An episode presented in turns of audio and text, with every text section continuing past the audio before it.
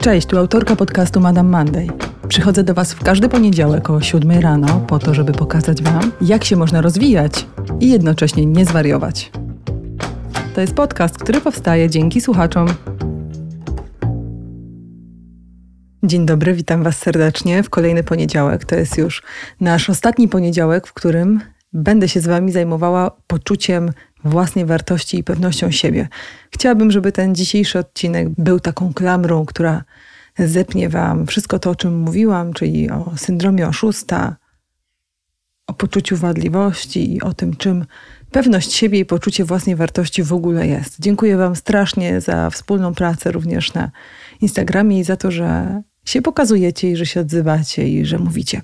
Zanim przejdę do dzisiejszego odcinka, a będzie on moim zdaniem kluczowy do tego, aby pewność siebie w sobie ugruntować, to chciałam Was zaprosić jeszcze raz, po pierwsze, do ocenienia podcastu, szczególnie na Spotify. Dzięki temu, że to robicie i dzięki temu, że słuchacie, podcast znajduje się w tej chwili już na 150 miejscu wśród 200 najczęściej słuchanych podcastów w Polsce i to jest strasznie przyjemne doświadczenie, ale też takie doświadczenie, które pozwala mi wierzyć w to, że to, co robię, ma sens.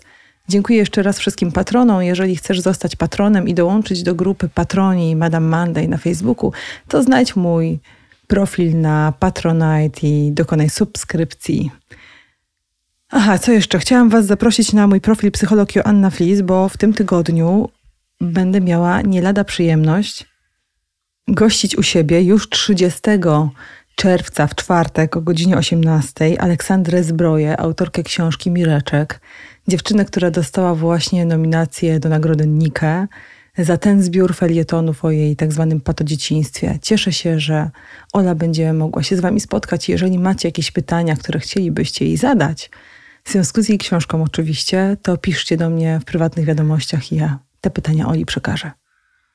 I jeszcze jedna ważna rzecz, bo wydaje mi się, że jest więcej patronów niż osób na grupie Patroni Madame Monday na Facebooku. Koniecznie znajdźcie tę grupę, jeżeli patronujecie podcastowi, bo na tej grupie właśnie w czerwcu, w każdą sobotę o godzinie 8.30 pracujemy nad schematami emocjonalnymi, nad trybami dziecięcymi i trybami dorosłego i chciałabym Was do tej pracy włączyć.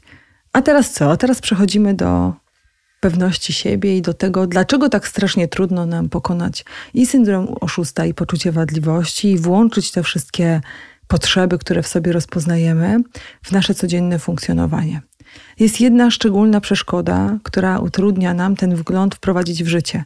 No bo cały ten miesiąc dokonywaliście jakiegoś wglądu, coś sobie tam obserwowaliście, no i w związku z tym rozpoznaliście swoje takie triggerki, trudne miejsca w środku brzucha, które teraz należałoby pokonać. Jak się dokładnie przyjrzycie tym triggerkom, to się zorientujecie, że dotyczą one przede wszystkim trudności w zaspokajaniu swoich najważniejszych potrzeb.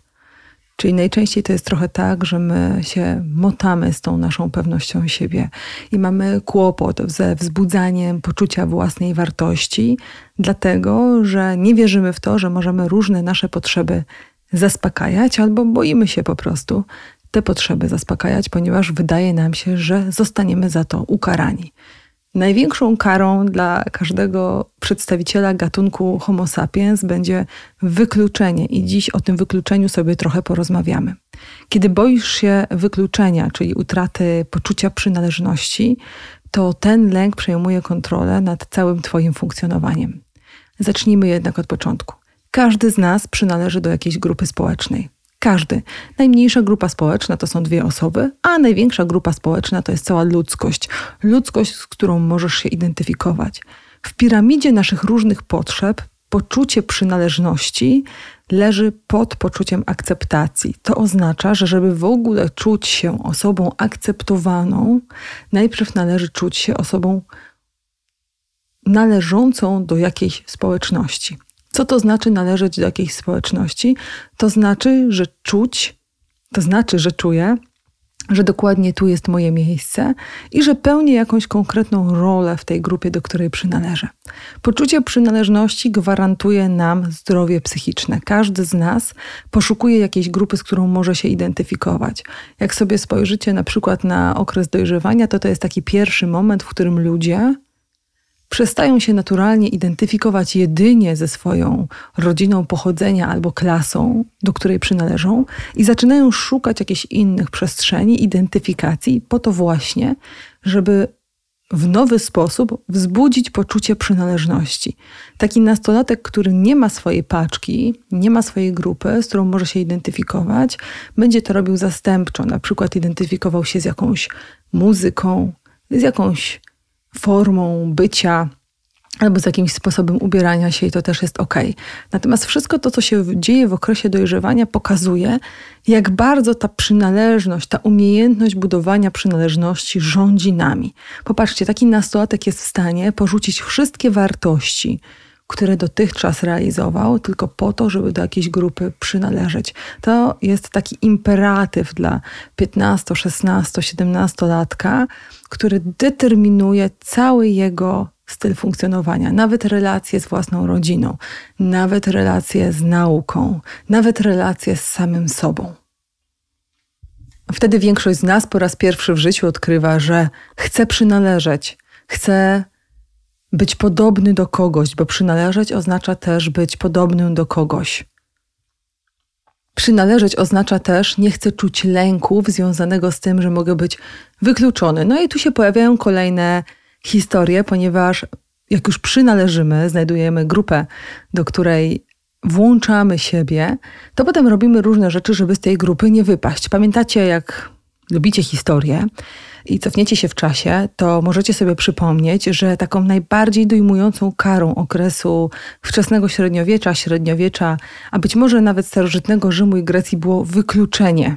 Wykluczenie poza granice społeczności, do której ktoś przynależał. Czyli można było powiedzieć, że jeżeli zrobiłeś coś przeciwko społeczności, do której przynależysz, no to wtedy albo w dybycie, no i możemy wszyscy popatrzeć na to, jak bardzo jesteś wykluczony i ograniczony w swoich prawach, albo poza granice wioski, gdzie sobie po prostu sam nie poradzisz. Jak spojrzycie na system edukacji, to mniej więcej też tak to działa. Jeżeli nie spełniasz warunków edukacyjnych swojej klasy, to jesteś wykluczony, lądujesz klasę niżej. Czyli cały czas wędrujemy sobie z takim poczuciem z tyłu głowy, że po pierwsze, bardzo potrzebujemy przynależeć i to jest imperatyw, a po drugie, jak już przynależymy, to musimy robić różne rzeczy, żeby poza granicami tej naszej społeczności nie wylądować. No i w zależności od tego, do jakiej społeczności przynależymy, mamy z tym mniejsze lub większe kłopoty. Bo jeżeli przynależymy do społeczności, która jest bardzo blisko naszego systemu wartości, naszych przekonań, naszego sposobu funkcjonowania, to wtedy utrzymanie się w granicach tej społeczności no, nie jest wyjątkowo trudne. Jeżeli zaś przynależymy do społeczności, która nas trochę nie reprezentuje, wśród, jesteśmy wśród ludzi, którzy myślą trochę inaczej, jesteśmy wśród ludzi, którzy mają inne zasady postępowania w życiu, to wtedy jest nam zdecydowanie trudniej utrzymać to poczucie przynależności i raczej żyjemy w dużym lęku albo właśnie e, w stresie dyskryminacyjnym. Jak spojrzycie na osoby LGBTQ, w naszej społeczności, która z zasady nie jest społecznością akceptującą, tolerancyjną, więc o przynależność do tej społeczności jest bardzo trudno, no to to są te osoby, które przeżywają stres dyskryminacyjny, czyli czują, że w każdym momencie swojego życia mogą być wykluczone. Dlaczego ja tak dużo o tym opowiadam? Dlatego, że każdy z nas na trochę mniejszej skali ten stres dyskryminacyjny przeżywa. Czyli teraz zejdźmy z takich ogólno światowych tendencji, zejdźmy z dużych społeczności i wejdźmy do mniejszych społeczności, do rodzin, do środowiska pracy, do bloku, w którym mieszkacie, albo dzielnicy, osiedla, miasta. I teraz przypomnijcie sobie, jakimi zasadami rządzą się osoby, które Was otaczają. Najczęściej te zasady no, nie są możliwe do spełnienia w całości i są takie postępowania, które sprawiają, że tego wykluczenia boimy się bardziej. Jaki to ma związek z pewnością siebie? Ano taki, że pewność siebie możemy zachować tylko wtedy, kiedy tego wykluczenia się tak histerycznie nie boimy. Brené Brown, którą pewnie wszyscy uwielbiacie, o tym wykluczeniu mówi w sposób piękny, mówiąc o tym, że są to bezdroża. Czasem, kiedy robimy różne rzeczy, które nie podobają się naszym bliskim, które nie podobają się naszym dzieciom, które nie mieszczą się w kanonie społeczności, do której przynależymy, lądujemy na tak zwanych bezdrożach. Bezdroża to są takie miejsca w nas, kiedy nikt nas nie otacza, czyli nie możemy zidentyfikować się w tym momencie z ludźmi, którzy nas otaczają. Na przykład, jeżeli żyjesz w społeczności, która bardzo mocno ceni sobie trwałość rodziny i jesteś rozwódką, tak samo jak ja, to w momencie podjęcia decyzji o rozstaniu lądujesz na bezdrożach, bo na tych bezdrożach lądujesz sama.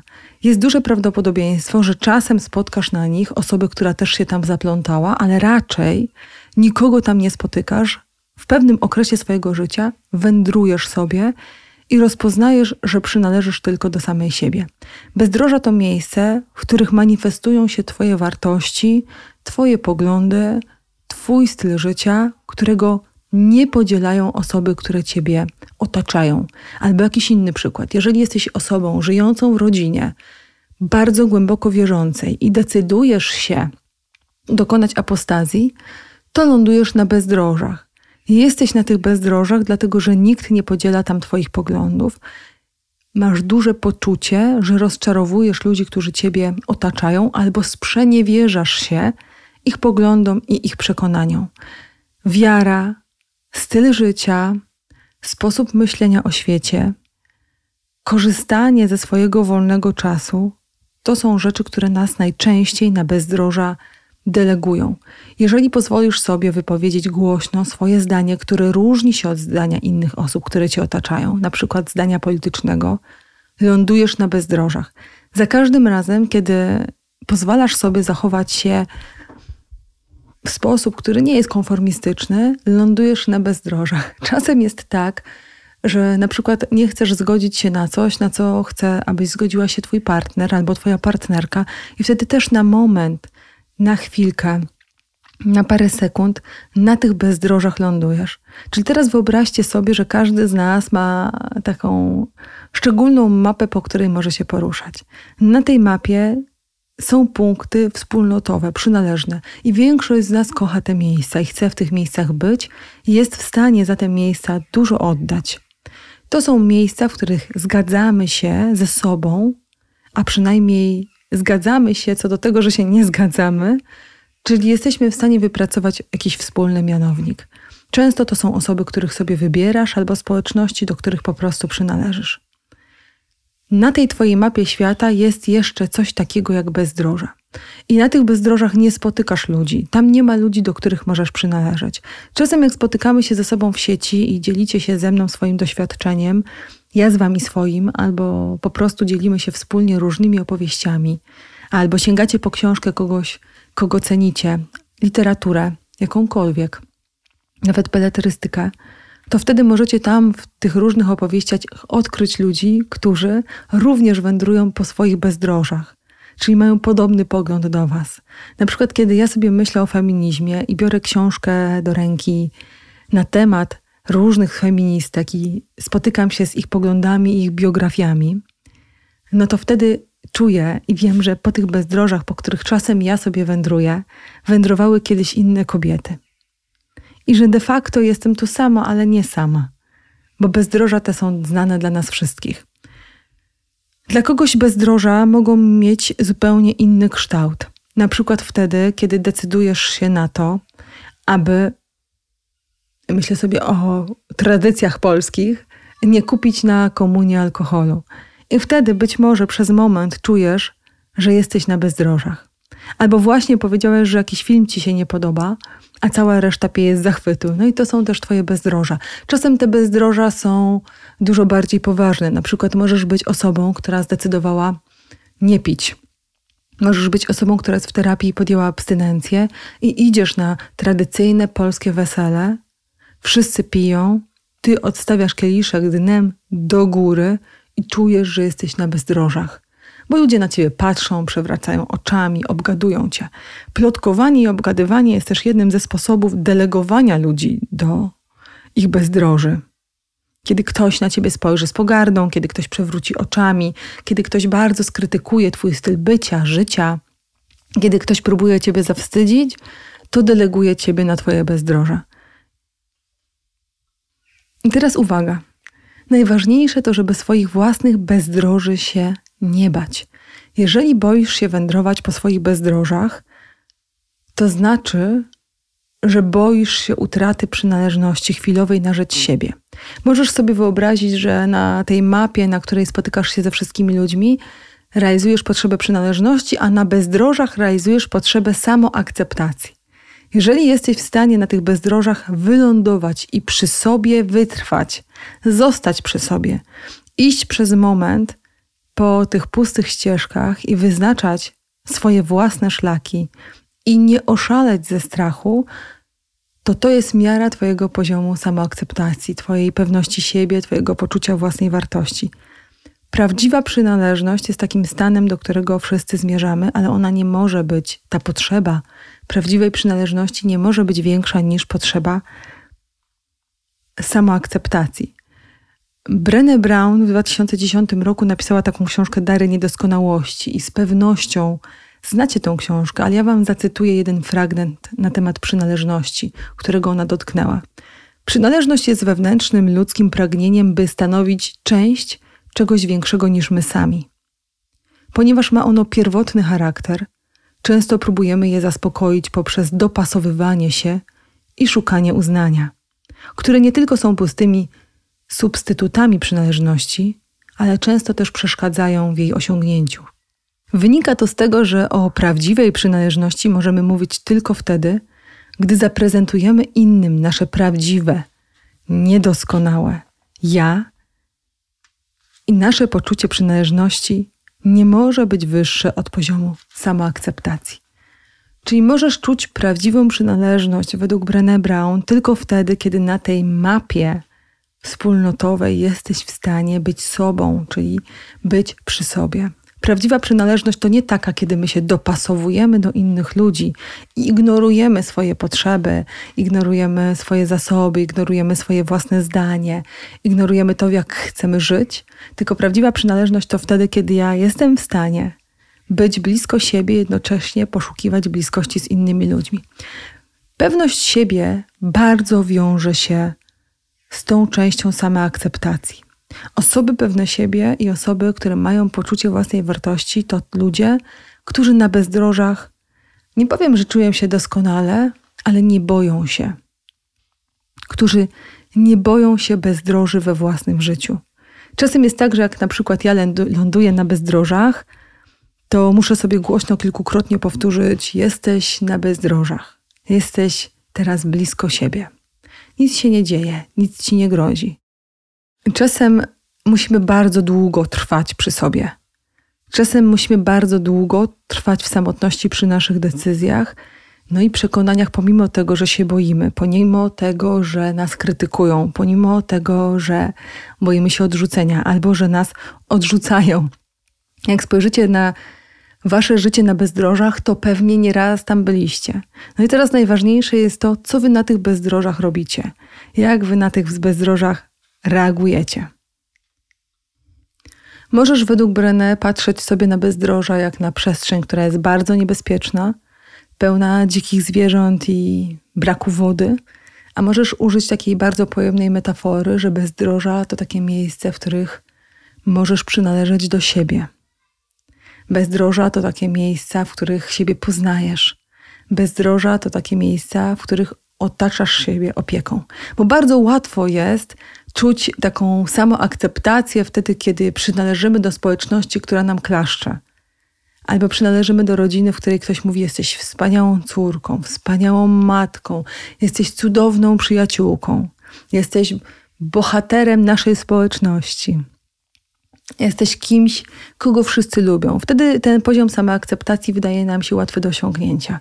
Ale kiedy lądujesz na tych społecznych i osobistych bezdrożach, to wtedy dopiero polega, pojawia się zabawa, bo albo możesz stanąć przy sobie i albo możesz um, wziąć swoją stronę i powiedzieć: Jesteś ok, jestem przy tobie, nawet wtedy, kiedy inni są bardzo daleko, albo możesz siebie porzucić. I porzucenie siebie jest właśnie przejawem syndromu wadliwości, syndromu oszusta.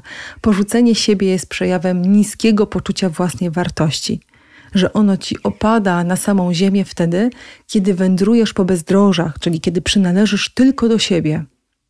Brenę, którą Wam tutaj dzisiaj cytuję i przytaczam, ona mówi, że tylko na bezdrożach możesz poczuć prawdziwą przynależność. Czyli jeżeli na tych bezdrożach jesteś wystarczająco długo, jesteś wystarczająco dobra, dobry dla siebie, jesteś wystarczająco cierpliwy i wiesz, dlaczego tu jesteś i jaka wartość za tym się kryje, to nagle możesz odkryć, że ciągle przynależysz.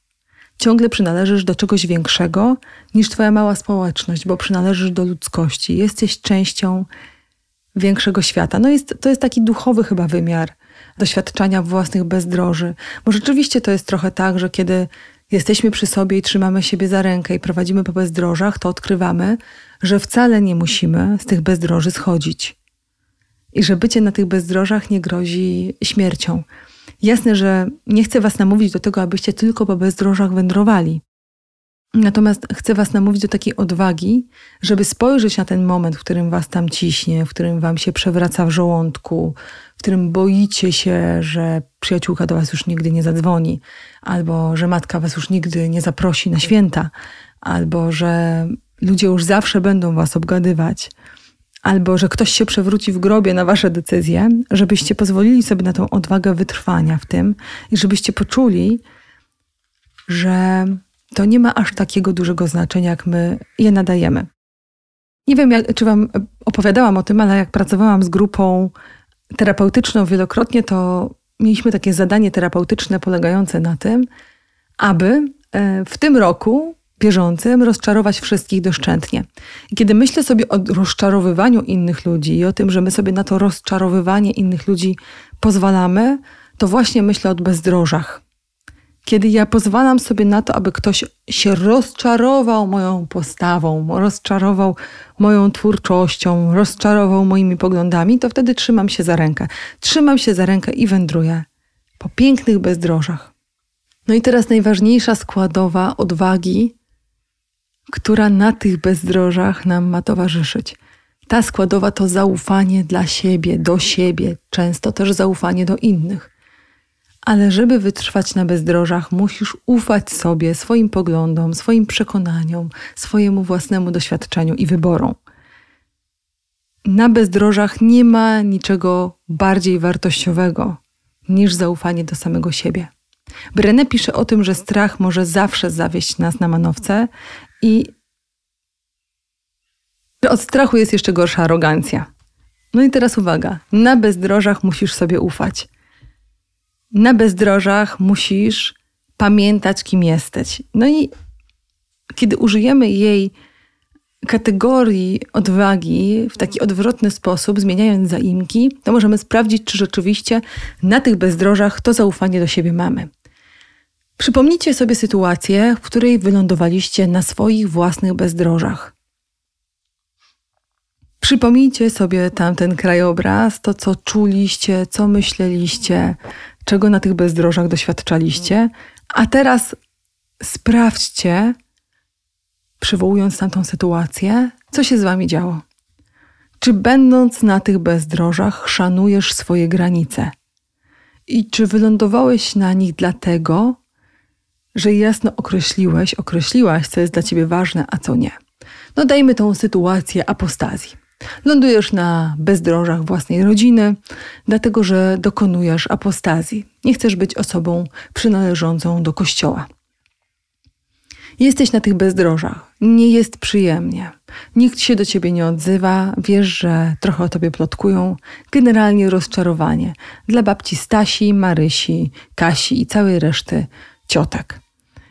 Stoisz na tych swoich bezdrożach, nogi ci się uginają, bo czujesz, że przyna nie przynależysz do nikogo. W głowie przypominasz sobie różne momenty, w których inni ludzie opowiadali ci te same historie, mówiąc ci o tym, że na tych bezdrożach nie jest tak strasznie. Zadaj sobie kilka pytań. Czy będąc na tych bezdrożach uszanowałaś swoje granice? Tak. Czy znalazłaś się na nich dlatego, że jasno określiłaś, co jest dla ciebie ważne, a co nie? Czy byłam rzetelna? Czy zrobiłam to, co mówiłam? Jeżeli wylądowałam na bezdrożach, bo zrobiłam to, co mówiłam, to jestem w dobrym miejscu. w jaki sposób egzekwowałam sama od siebie odpowiedzialność? Czy wzięłam na poważnie moje własne deklaracje? Czy byłam spójna? Czy uszanowałam zasady skarbca? To oznacza, czy szanuję swoją taką intymność, tą taką e, intymną część. Szanuję skarbiec wtedy, kiedy nie tłumaczę się wszystkim, dlaczego to robię. Szanuję swój skarbiec wtedy, kiedy nie dotykam najbardziej intymnych części swojego życia, wystawiając je na tackę społeczności, która mnie wykluczyła tylko po to, żeby mnie przyjęła z powrotem. Czy poprosiłam o to, czego potrzebowałam i czy powstrzymałam się przed oceną tego, że potrzebowałam pomocy.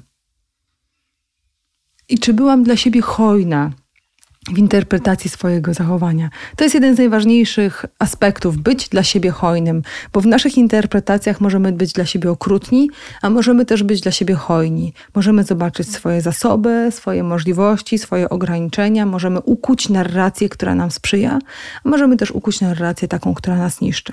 Wracając do zaufania do siebie, to pamiętacie, jak kiedyś na, pewnie nie wszyscy wy widzieliście, na webinarze kiedyś mówiłam o tym, że poczucie własnej wartości jest też wtedy, kiedy, gdy dzieje się coś trudnego dla mnie, jestem w stanie przypomnieć sobie, dlaczego to robiłam. Po co tu jestem? Czym są właśnie moje bezdroża. Książka, którą Wam dzisiaj cytowałam i którą dzisiaj Wam polecam, to książka Brené Brown z odwagą w nieznane. Jak znaleźć poczucie przynależności bez utraty Ciebie. Wydawnictwo Laurum. Strasznie Wam tą książkę polecam. Zresztą jak całą resztę Brené Brown. Ale książkę Wam strasznie polecam, bo ona jest pięknym zakończeniem naszej podróży po pewności siebie. Popatrzcie, pewność siebie nie istnieje bez zaufania do siebie, bez poznania siebie.